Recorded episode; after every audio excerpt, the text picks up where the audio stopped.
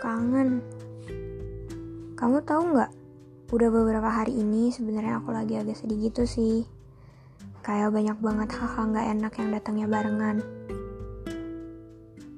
Kadang aku mikir, kenapa harus aku ya?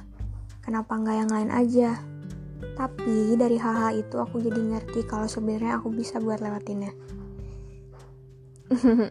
Pengen banget ketemu kamu.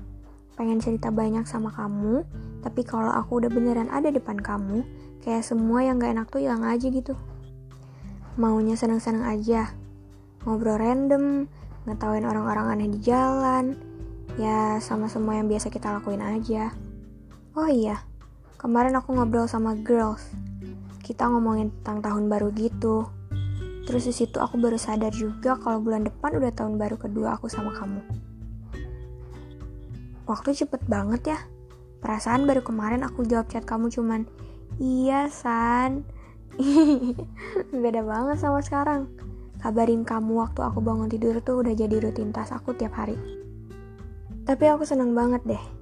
Kita udah cukup dewasa dengan ngelewatin hal-hal nyebelin dan bisa kita beresin juga berdua.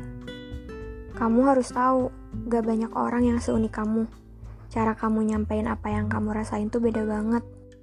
Mungkin juga banyak orang yang gak bisa ngerti. Satu tahun belum cukup buat aku kenal sama kamu.